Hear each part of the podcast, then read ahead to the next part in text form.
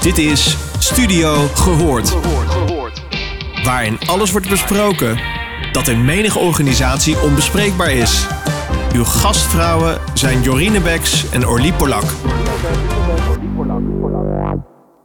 Welkom uh, luisteraars. Het is weer uh, tijd voor een uh, mooie podcast. Ehm, het is een bijzondere podcast, want het boek van Jorine en mij is uit. Yay! Yippie! En vandaag zijn wij niet de interviewer, maar dat is, en we dragen meteen een stokje over...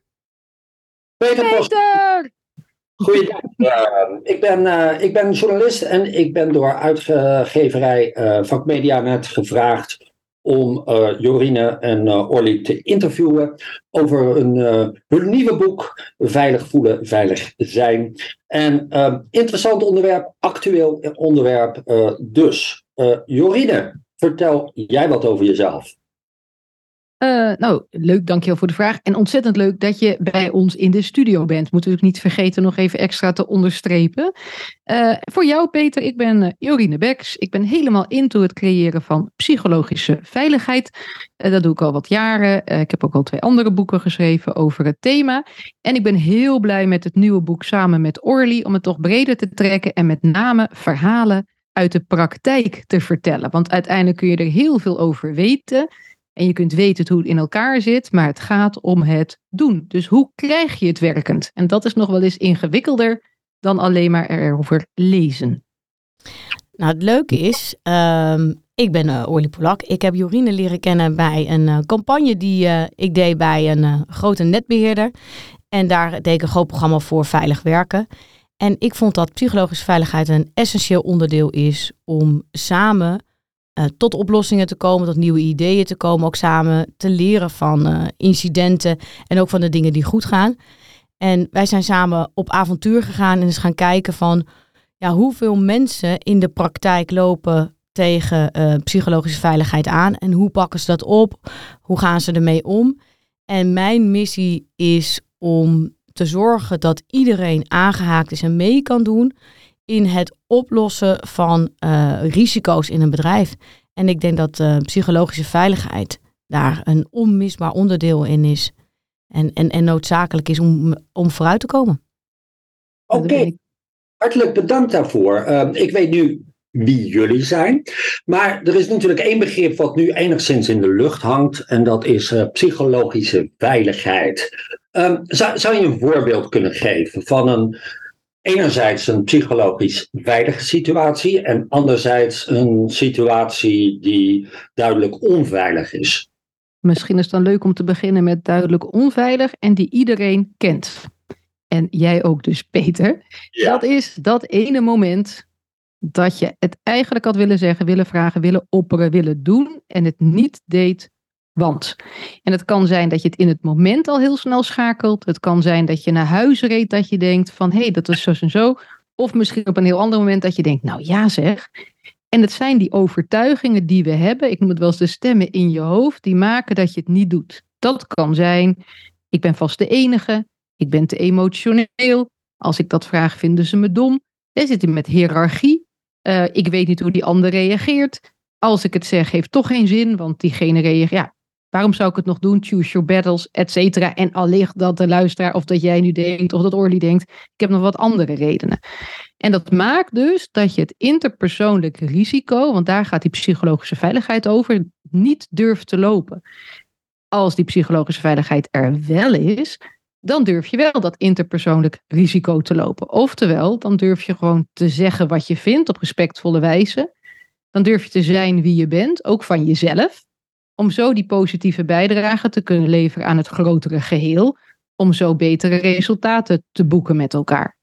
Waar, waar, gaat het, waar, gaat het, om? Want ik kan me ook wel situaties herinneren dat ik iets niet zei. Ik kan me ook situaties herinneren dat ik dingen wel zei en achteraf dacht van hoe misschien was dat niet het meest verstandige in mijn leven. Maar ook uh, situaties dat ik dingen niet zei. Inderdaad, uh, omdat ik niet wist, uh, zeker wist of iemand anders de vraag al had gesteld. of omdat ik dacht van, van, van ja, dat is bij, bij alle anderen bekend. Betekent dat automatisch dat er sprake is van een onveilige situatie. Nu zeg je hem heel extreem, hè? Onveilige situatie. Het is in ieder geval niet psychologisch veilig genoeg. En psychologische veiligheid gaat over de subtiele interactie tussen mensen. En het idee is, het is eigenlijk alleen maar een middel. Het is het middel om te zorgen dat je als team kunt leren, kunt innoveren en beter kunt presteren.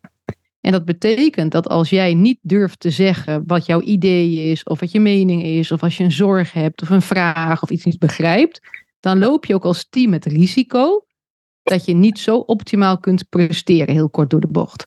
Het is ook het middel wat ervoor zorgt dat diversiteit ook de richting dat ook naar inclusie kan groeien. Dat iedere stem gehoord wordt, ook de stem van de minderheid en ook de diversiteit van stemmen, ideeën en meningen. Dus op het moment. Is dat een, een, een, een minder veilige situatie? Een, een situatie van uh, minder uh, grote psychologische veiligheid? ertoe kan leiden dat, dat er bepaalde briljante ideeën misschien niet worden geopperd. Want die vraag die ik zou kunnen stellen, die, die, die had misschien andere mensen aan het denken gezet. Uh, dat, is, dat is de ene kant. Hè? En wat ik denk ik wel mooi is, dat kan ook Orly mooi toelichten. Ik pak hem nu alleen op het, op het stuk van emotie, zeg maar innovatie, presteren. Maar het middel helpt ook op andere kanten van veiligheid, dus ook de fysieke veiligheid. Nou, het is leuk dat je het vraagt. Ik uh, was gisteren bij een hele mooie leiderschapstraining. En um, onderdeel van die training is dat ik haal verhalen op uit het bedrijf. En in dit geval was het een uh, verhaal van een uh, heel ernstig uh, arbeidsongeval. Wat iemand dapper genoeg was om te vertellen. En in dat ongeval um, vertelt die persoon dat hij eigenlijk routinematig te werk is gegaan. Dat hij samen met zijn leidinggevende het werk besproken heeft, bij de locatie is wezen kijken, het werk heeft opgenomen, het werk heeft voorbereid. En dat beide tot de conclusie zijn gekomen dat het werk op die manier uitgevoerd kon worden. In het verhaal hoor je dat er twee mensen eigenlijk een, eigenlijk een rol hebben gespeeld in die onveilige situatie en ook in de aanleiding van dat ongeval de persoon waar, uh, die ik geïnterviewd heb, die neemt heel erg de schuld op zich. Maar je hoort tussen de regels door dat hij ook blind vertrouwd heeft op zijn leidinggevende. Gisteren zit ik in een, um, in een sessie, daar zitten 25 leidinggevenden bij. En op een gegeven moment zegt een directeur, ik had hetzelfde gedaan. Ik herken zijn verhaal. Ik overzie soms ook de risico's niet goed genoeg. En dan laat ik iemand ook het werk op die manier doen. Nou, die discussie die toen ontstond, was heel psychologisch veilig en was zo super dapper. Dat er ook een monteur opstond die zegt: Ja, maar ik herken mijzelf ook in dit verhaal. Ik ga eigenlijk ook altijd zo met blind vertrouwen te werk. En iedereen begon te vertellen uit zijn ervaringen hoe herkenbaar hij het vond dat het bij hem of bij haar ook op die manier had kunnen gebeuren. Ik vond dat echt een goed voorbeeld van psychologische veiligheid. Want het gaat hier natuurlijk om mensenlevens. Het gaat hier om mensen die echt ernstig gewond raken. Uh, iets wat kennelijk erkend wordt dat wel vaker had kunnen gebeuren. Dat het een bekende werkwijze is. En dat het een bekende valkuil is. Dat van dat blinde vertrouwen. Ik vond dat zo mooi. Dat iemand die het hoogst geplaatst was in eigenlijk in het team het voortouw nam. En als eerste zei. Ja, maar ik had het ook zo gedaan. En iedereen pakte dat op. Ik vind dat een voorbeeld van psychologische veiligheid. Met het doel wat ik dan wil bereiken is: oké, als we weten dat dit gebeurt, hoe kunnen we dan nu verder? En, en die weg was open, want iedereen stond daar nu voor open. Die dacht: we zien allemaal hetzelfde probleem, we hebben er allemaal erkennen ons eigen aandeel erin. Nu kunnen we praten over, maar wat kunnen we wel? Ja, en, en dat is gewoon prachtig.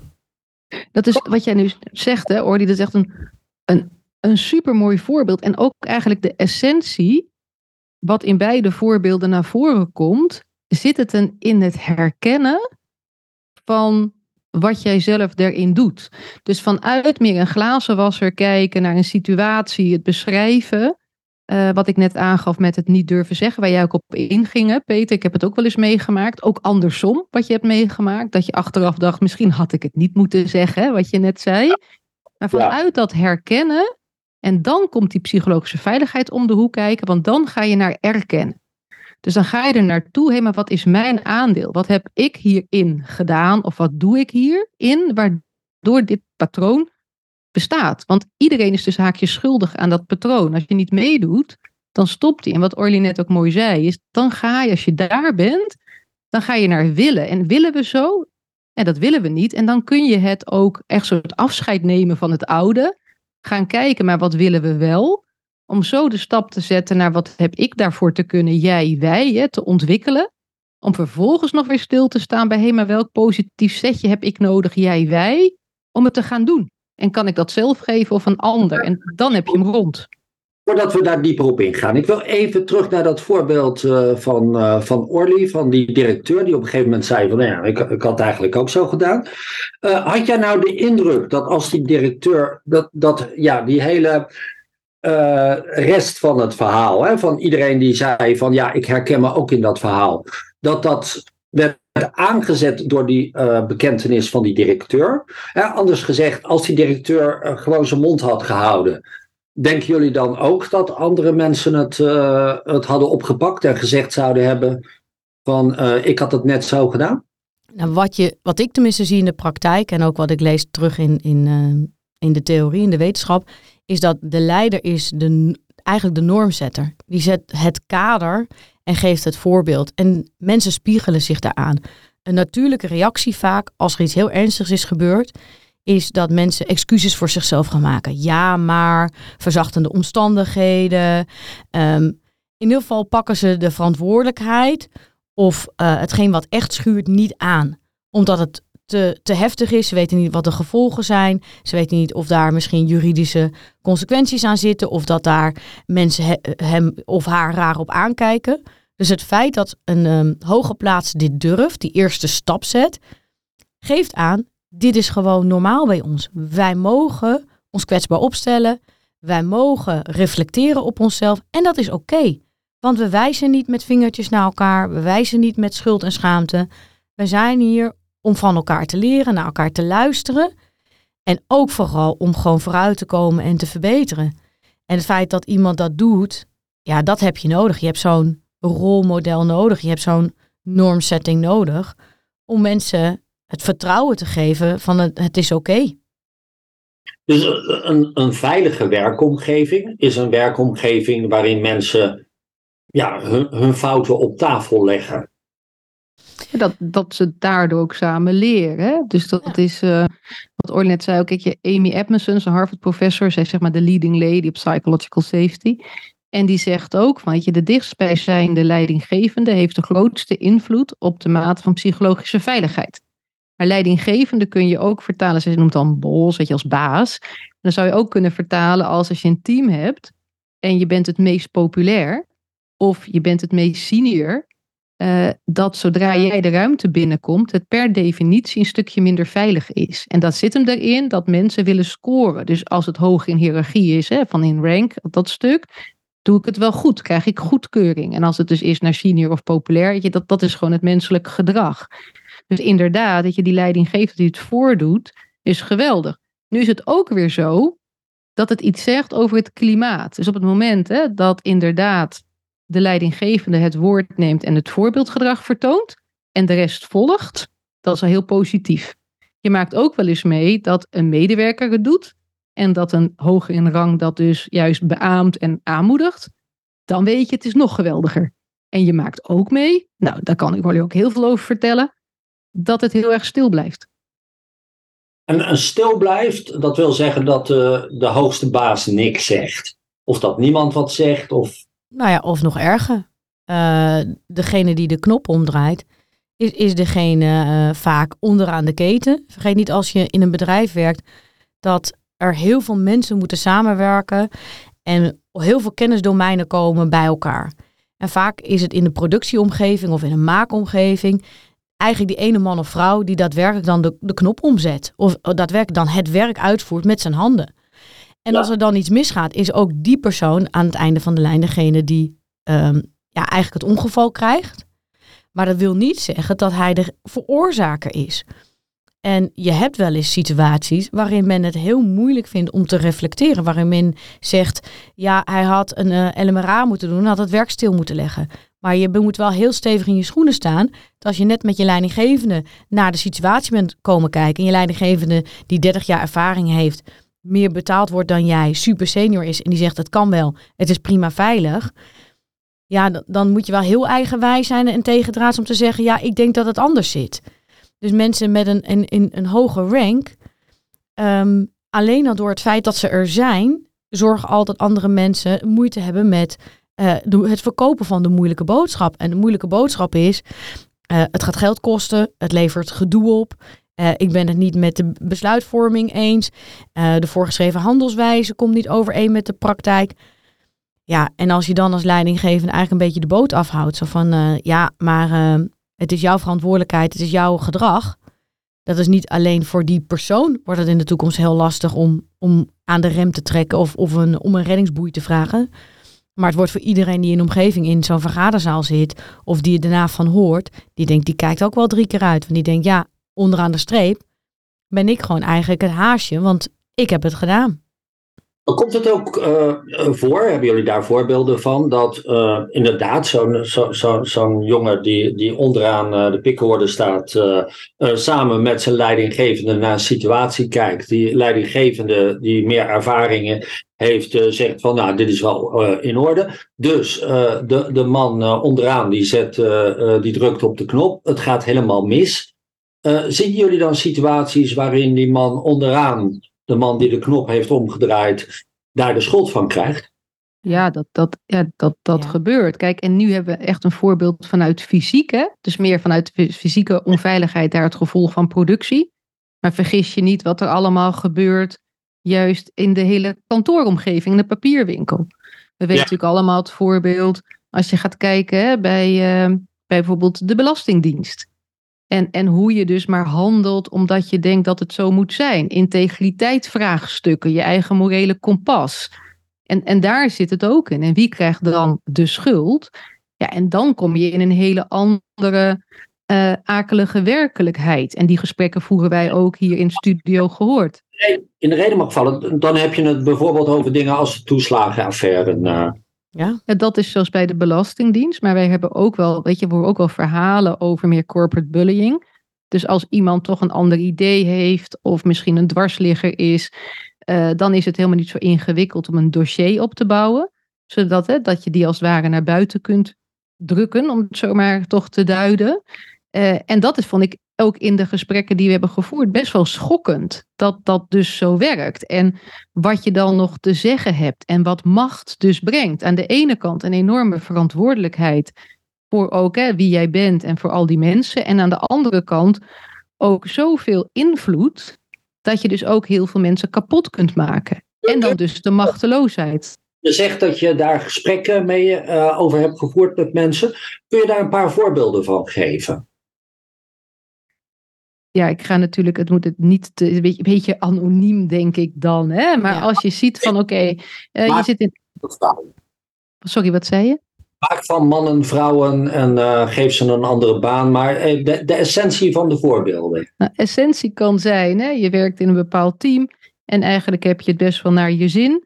Uh, maar er ontstaat een nieuw team en ze zoeken echt mensen met innovatieve, creatieve ideeën. Jij denkt dat is wat voor mij. Je komt in dat team terecht en de teamleider die wil eigenlijk in zijn of haar eentje shinen. Je hebt geweldige ideeën, uh, maar je merkt dus dat die als het ware opzij worden geschoven. Maar als het erop aankomt, blijkt dat ze verder zijn gebracht en dat de CEO en het MT echt helemaal lyrisch is erover. Je vindt daar wat van, dus je gaat toch de dialoog aan en je denkt toch, hier moet iets mee worden gedaan. Je vertrouwt op je teamgenoten. En dat ook teamgenoten jou gaan bijvallen. En dat gebeurt niet. En het gaat van kwaad tot erger. En voordat je het weet ben jij de moeilijkdoener, de dwarsligger. En wat gebeurt er vervolgens? Is een agenda, moet, is er rondgestuurd voor een meeting met het MT. En jij hebt die niet ontvangen. De ruimte is veranderd, dus je komt te laat binnen. Et cetera. Echt, dat je echt denkt, huh? Volwassen mensen. Ja. Dus dat, dat, even voor de duidelijkheid, een mooi, mooi voorbeeld. Uh, dat is dus iemand die uh, ideeën heeft aangebracht, de leidinggevende heeft ze weggebuift, maar heeft ze ondertussen uh, uitgewerfd, uitgewerkt en is er zelf mee gaan pronken bij het MT. Ja, ja en dat, ja. tegen protesteert, dan, dan krijg je dit soort repercussies die jij beschrijft. Ja, het zou kunnen. Maar je ziet ook um hoe het gaat eigenlijk over schuld en schaamte.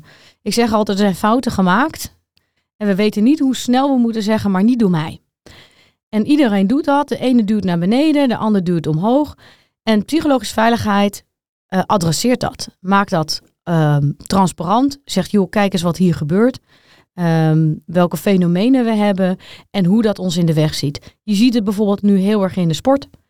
Zodra je de kampioenschappen niet meer haalt, ja, dan nog geen 24 uur later mag de hoogste baas mag opstappen en zegt gewoon letterlijk in de pers: ik ben op, ik ben moe gestreden. Dus we doen het niet alleen omlaag, we doen het omhoog. En um, kijk, als iemand een fout heeft gemaakt, weet je in ieder geval één ding heel erg zeker. Is die fout, die maakt hij niet nog een keer. Dus we investeren ook niet in elkaar. Dus dan zie je ook in organisaties dat je keer op keer op keer hetzelfde wiel opnieuw aan het uitvinden bent. Dezelfde fouten aan het maken bent. Het hele lerende vermogen gaat weg op het moment dat je uh, mensen uh, gaat vingerwijzen. Je hebt ook wel eens in, in Amerika heb je nu um, Human Organizational uh, Performance, HOP. En die zegt, ja, blame fixes nothing. Gewoon, de, gewoon het besef dat schuld en schaamte lost niks op. Ook een mooie wetenschapper, Brené, Brown. Ehm, ik denk dat hij perfect past bij psychologische veiligheid. Maar dat, dat is wel de essentie. Is we moeten stoppen met mensen aan een schandpaal nagelen. Want dat zijn we heel goed in in Nederland. Wordt het dus trouwens steeds beter in, vind ik. Want er hoeft maar iets te gebeuren en we twitteren er helemaal op los. Kijk maar naar wat er met Sigrid Kaag is gebeurd. Ja, als je dan dat interview ziet, dan denk je, hoe kunnen we? Hoe kunnen we? Dit is gewoon iemand die strijdt voor democratie, die probeert een mooi Nederland te maken. Je hoeft het niet met haar eens te zijn, hè? Maar dit zijn wel de mensen die we nodig hebben in Nederland, hè? Dus wie, weet je, dan gaan we de volgende afbranden waar we het ook niet mee eens zijn. Dan gaan we met fakkels voor iemands huis staan. Dan gaan we vlaggen op, op zijn kop hangen. Dan gaan we mensen bedreigen. De meeste politici hebben momenteel 24 uur 7 bewaking nodig. We hebben een, een, een, een, kroonprinses die gewoon niet normaal kan studeren, omdat mensen het niet eens zijn met haar. Ja, dat, dat is gewoon. Ja, uh, Jorine noemt het twee kanten van dezelfde medaille. Daar word je wel angstig van als dat zo is. Hè? Dus als, als we geen psychologische veiligheid hebben, dat we maar de weg vrijmaken om het überhaupt onveilig voor elkaar te maken. Dus als ik het niet met jou eens ben, dan snoer ik jou de mond, dan scheld ik jou uit, dan bedreig ik jou, dan sta ik voor jouw huis. En we kunnen gewoon niet meer normaal naar elkaar luisteren en een discussie met elkaar voeren. En ik denk dat dat de missie is van uh, Jorine en mij, om daar eens gewoon transparantie in te krijgen. Ja, en, en ook wat jij zegt, die twee kanten van de. Maar uh, over die politici wil ik, uh, wil ik het dadelijk nog even hebben. Maar um, voordat we te ver hiervan afdwalen. Um, de, je, je zei iets interessants over die voetbaltrainers. Uh, daar, daar is het inderdaad de top, de trainer, de directeur die moet opstappen. En niet uh, de jongen die de, de, de penalty heeft gemist. Uh, eerder hadden we het erover dat het eh, vaak de, de, de man is die op de knop heeft gedrukt, die, die met de schuld eindigt, hè, die de schuld krijgt. Hoe, hoe, hoe, hoe, verklaar je dat? Is dat inderdaad een, een essentieel verschil en een belangrijk verschil? En, nou ja, ja, ik denk dat het in Nederland een cultuur is. Wat Jorine ook zegt, het is de cultuur van psychologische onveiligheid. En het mes snijdt letterlijk aan twee kanten. Dus uh, als er iets gebeurd is waar mensen niet blij mee zijn, ja, fouten zijn gemaakt, is de natuurlijke neiging van, van mensen of organisaties om te zeggen, maar niet door mij. Uh, daar heeft Amy Edmondson is, uh, is psychologe en dat is uh, haar uh, basisvertrekpunt. Dat heet de zelfrechtvaardigingstheorie, die in de psychologie keer op keer wordt bewezen. Het is een natuurlijk mechanisme waar iedereen last van heeft. En die gaat omhoog en die gaat omlaag. En je ziet in de voetballerij dat die alle kanten op gaat. Zowel de top mag verdwijnen, spelers worden verkocht, trainers worden ontslagen, watermensen worden zelfs ontslagen. Iedereen krijgt, krijgt de vinger van het, het niet presteren. En in het geval van de voetballerij is nu, als je het een beetje gevolgd hebt, is zelfs gewoon uh, de, volgens mij de raad van bestuur of er is zo'n eh, zo'n uh, vereniging van supporters of zo die mogen opstappen. Werkelijk, er wordt om elkaar heen gemaaid. Alsof iedereen schuldig is aan, aan het niet behalen van de prestatie. Maar ja, wij denken dat er zoiets bestaat als teamintelligentie. Dus als er schuldig is, dan is het geheel degene die daarvan moet leren en niet enkele individuen. Ik heb, uh, ik heb een, een, een, paar jaar geleden een interview gehad over um, ja, de, de, de blamecultuur. En dan met name de blamecultuur in de, in, in de zorg. Uh, er was iemand, ik ben zijn naam helaas op dit moment wil me niet te binnen schieten, maar ik had iemand uh, uh, geïnterviewd die daarop was gepromoveerd. En die was zowel chirurg als luchtmachtpiloot. En bij de zorg ontdekte die, zag hij een enorme blamecultuur. Dus iedere keer als er een verkeerd been was geamputeerd of zo, dan, dan was dat de schuld van de chirurg. Terwijl als er een piloot neerstort met een of andere F-16 uh, of zijn opvolger van anderhalf miljard, dan, dan was dat natuurlijk vervelend. Maar dan keken ze juist, wat is er mis in het systeem dat dit heeft kunnen gebeuren? Zien jullie ook die, die verschillen tussen, tussen branches? Wat betreft nou, weet... veiligheid? Ik weet niet of daar nou echt uh, tussen branches direct verschillen zijn. Het zit veel meer op ook wel cultuur. En uiteindelijk, hè, we zeiden net dan hoog in de boom en die moet dan weg. Dat is ook voor het idee een soort quick fix. Dat hebben we natuurlijk de laatste tijd heel veel gezien met dat grensoverschrijdend gedrag en heel die problematiek eromheen. Dan denkt men, we halen de splinter eruit en dan vergeet men dat het etteren niet stopt. Je hebt iets anders te doen in je systeem. Wat natuurlijk wel meespeelt, is als je gaat kijken naar de zorg, uh, want daar, heb, ja, dat zijn we ook, af, ook heel erg actief, is dat gaat natuurlijk best wel over leven en dood. Dus als je het hebt over fouten maken, dus als je ook gaat kijken, het nieuwe boek van Amy Edmondson komt in september uit, en dat heet The Right Kind of Wrong. Als je daar op de muur zou ophangen, fouten maken mag, want daar kunnen we van leren, en ik kom daar binnen met mijn dochter, dan denk ik toch dat ik omdraai. Denk ik, nou, fouten maken, leuk en aardig, maar niet met mijn dochter. Dat is natuurlijk ook in, uh, als je gaat kijken in het vliegtuigverhaal. Hè? Dus als je gaat kijken met piloten en de invloed. En hoe ze dat hebben opgelost, is met een heel duidelijk uh, uh, CRM-systeem. Dus een, een, een, script waarmee ze werken, of sorry, een script waarmee ze werken. Zodat heel duidelijk is gedaan van oké, wat ga je dan zeggen? Welke checkvragen? Dat doen ze nu trouwens ook binnen OK's. Het, binnen die ruimte is het goed, is het goed geregeld. Ja. Dus weer terugkomende, wat ik meemaak in de praktijk en dat is productie, zijn productiebedrijven, dat is bouwbedrijven, ziekenhuizen, overheden, uh, uh, leren, universiteiten, et cetera. Eigenlijk alle sectoren. Valt of staat het met het klimaat wat gecreëerd is in het team? Dus dat betekent dat het ene team in de organisatie mega veilig is. Daar heb je en de accountability verantwoordelijkheid bij de medewerkers. En er zit een lekkere energie. Ze voelen zich psychologisch veilig, leren, innoveren, geniaal. En je hebt in diezelfde organisaties teams waarvan je denkt, nou, daar is toch wel heel wat anders aan de hand. En dan kom je eigenlijk weer terug op wat Orly ook aangaf, is wie bouwt dat klimaat? Wat we zeiden, wat Amy Edmondson ook zegt, die dichtstbijzijnde leidinggevende. Dus daarin, in combinatie met de kracht van kwetsbaarheid van Brené Brown, even de samenvatting, daarin zie je het verschil. Dus die psychologische veiligheid die bouw je in iedere interactie. Dus hoe wij hier zitten, bouw je hem ook al. In iedere interactie heb je impact. En binnen teams. En zo kun je hem verder brengen. Dus samengevat op wat jij zei. Uh, ik zie geen verschil per sector. Ik zie echter wel heel veel verschil binnen dezelfde organisaties. Oké, en jij zegt van dat hangt dus af van de dichtstbijzijnde leidinggevende. En, en niet zozeer van de bovenste baas, de directeur of voorzitter van de raad van bestuur. Nou ja, die, dat is de volgende. Hè? Dus wat het interessant is wat jij zegt, is je hebt het team en je kunt voor, tot een bepaald niveau kun je bijna je isoleren als team. Dus je kunt als het ware op je eiland, heb je, kun je een bepaalde veiligheid creëren met elkaar. Maar je hebt interactie met de rest. Nu is het natuurlijk wel interessant, want jouw leidinggevende heeft weer een leidinggevende, die heeft weer een leidinggevende, die heeft weer een leidinggevende. Dus de, wat je ziet op de vloer is een reflectie uiteindelijk van daarboven. Dus hoe gaat hij ermee om? Kan diegene wel of niet? Hoe, hoe sterk is die leidinggevende? Hoe staat hij voor zijn, voor zijn team? Maar ook hoe zoekt hij de verbinding op met de andere leidinggevende? Zodat ook over de teams en de afdelingen heen ook die psychologische veiligheid wordt gestimuleerd. Dus dan zit je weer in multidisciplinaire teams, ketendenken, wat natuurlijk ook steeds meer nodig is. Ja, ik herken wel wat je zegt. Wat ik wel zie, en dat, dat kun je misschien wel aan branches of bepaalde bedrijven toeschrijven, is dat psychologische veiligheid is wel makkelijker te organiseren als je um, denkt vanuit systemen. dan heb je eigenlijk al per definitie uh, het geheel als verantwoordelijk voor de prestatie. Dus je hebt dan al veel minder de neiging om naar individuele leden te krijgen, kijken als het gaat om het, het wijzen van, van de vinger.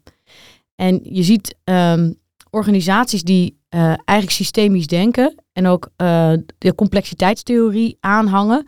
En dat bedoel ik eigenlijk, er zijn organisaties die ervan overtuigd zijn dat er iets bestaat als controle. En dat je je bedrijfsprocessen kan opknippen in allerlei stapjes. En als je dat maar goed over nadenkt, dan kunnen we heel efficiënt werken. Dan ontstaat er een soort lineaire keten. Nou, uh, Frederik Taylor was daar de voorloper in. Hè. We herkennen Toyota, hè, de, eigenlijk de, de, de, auto's die aan de lopende band afgaan. Maar de tijd is veranderd. Zelfs de autobranche is veranderd. Want heel veel onderdelen zijn soms niet meer te krijgen. personeel dat uitvalt, arbeidstekorten. Dus die hele lopende band überhaupt in zijn uh, lineariteit staat volledig onder druk. Daar moeten mensen continu anticiperen. Dus ook die controle is een beetje de illusie van controle geworden. En je ziet organisaties die veel meer geloven in die complexiteitstheorie. Um, die gaan ook naar systemisch werken. Die gaan ook naar systemisch denken. En daar zie je dat er in de manier van samenwerken psychologische veiligheid een onderdeel wordt van eigenlijk de hele bedrijfsvoering. Um, ik sprak gisteren. Systemisch werken. Nog, nog even voor de mensen zoals ik, uh, die niet precies meer op hun netvlies hebben wat dat ook weer is. Um. Nou, om het, om helemaal even Jip en Janneke te maken, is dat alles is geconnecteerd. Is dat jij bent een onderdeel van een geheel en samen wer, werkt het op elkaar in. Dus jij bent niet uh, operatief in een vacuüm. Dus stel dat ik een engineer ben en iemand moet uiteindelijk uh, met mijn design aan het werk, dan ga ik er niet in mijn eentje op een bureau zitten, in mijn eentje zitten designen en dan gooi ik het over, over de schutting. Maar ik begrijp dat iemand het straks in onderhoud moet nemen. Ik begrijp dat iemand er straks mee moet werken. Ik begrijp dat daar ook inkoop op zit. Hè? Dat, er, dat ik rekening moet houden met materialen, maar misschien moet ik ook rekening houden met duurzaamheid. Misschien moet ik rekening houden met de bijen. Ik noem maar even iets heel simpels. Hè? Ik ben een brug, een brug aan het maken. Maar misschien moet ik ook rekening houden met het gedrag van de mensen op de weg. Dus je gaat veel meer denken vanuit dat geheel dan denken vanuit jouw solistische taak. En dat is een nieuwe manier van denken. Is dat bevorderlijk voor psychologische veiligheid? Jazeker. Want jij je... gaat van, uh, van nature uit dat je de ander nodig hebt voor het geheel. Dus als er iets misgaat, dan heb je per default al in je hoofd.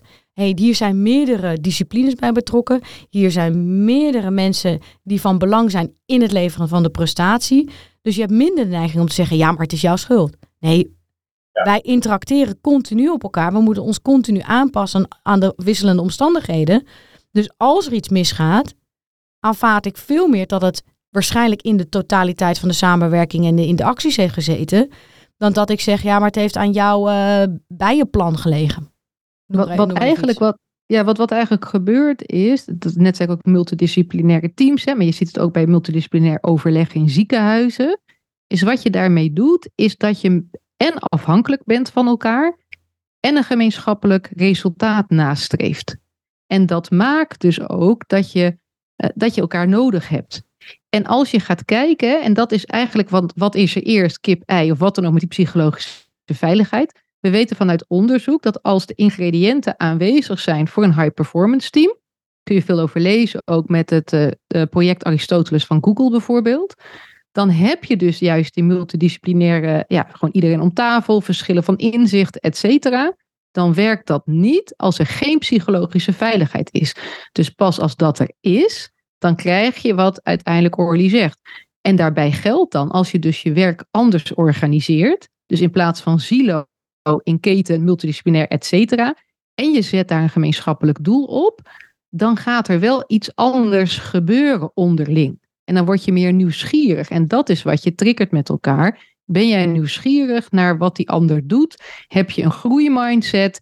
Denk je, hé, hey, wat kan ik leren van die ander? En je mag daar dus ook onderling van elkaar wat over vinden. Dus niet de traditie. Ik ben hier, noem maar iets geks, de, timmerman.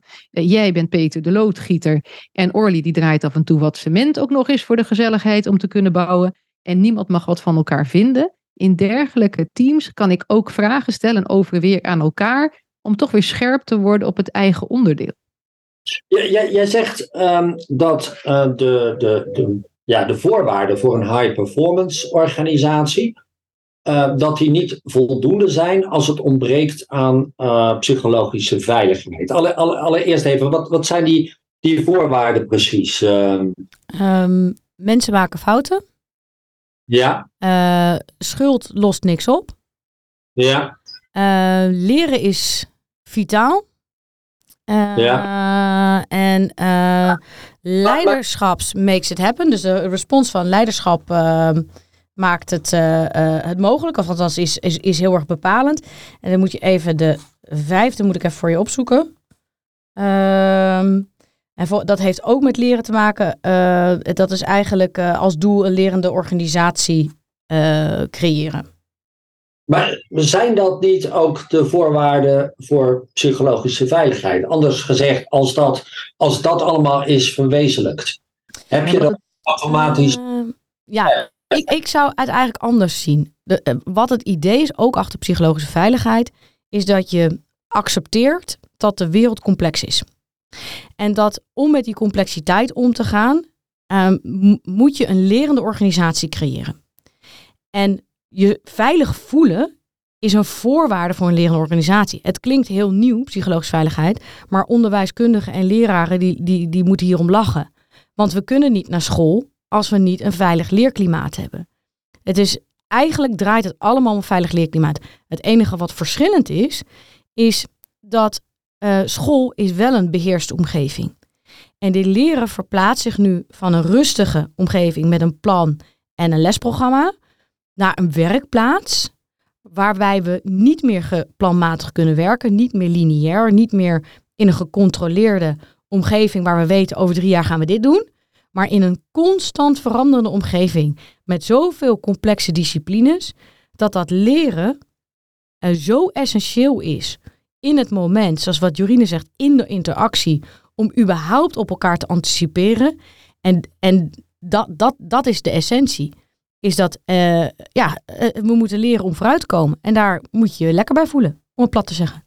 Peter, dank je wel voor deze hele mooie podcast. Echt superleuk om zo geïnterviewd te worden. Uh, ik vond het leuk en een leerzaam onderwerp. hartelijk dank. Dankjewel, ik vond het ontzettend leuk. En ook weer leuk om op deze manier het gesprek te hebben, Orly. Want dan maken we niet vaak mee, hè? Dat we gewoon dat wij vragen krijgen en onderling dan weer elkaar zo uitgebreid horen. Uh, superleuk. Dankjewel, Peter.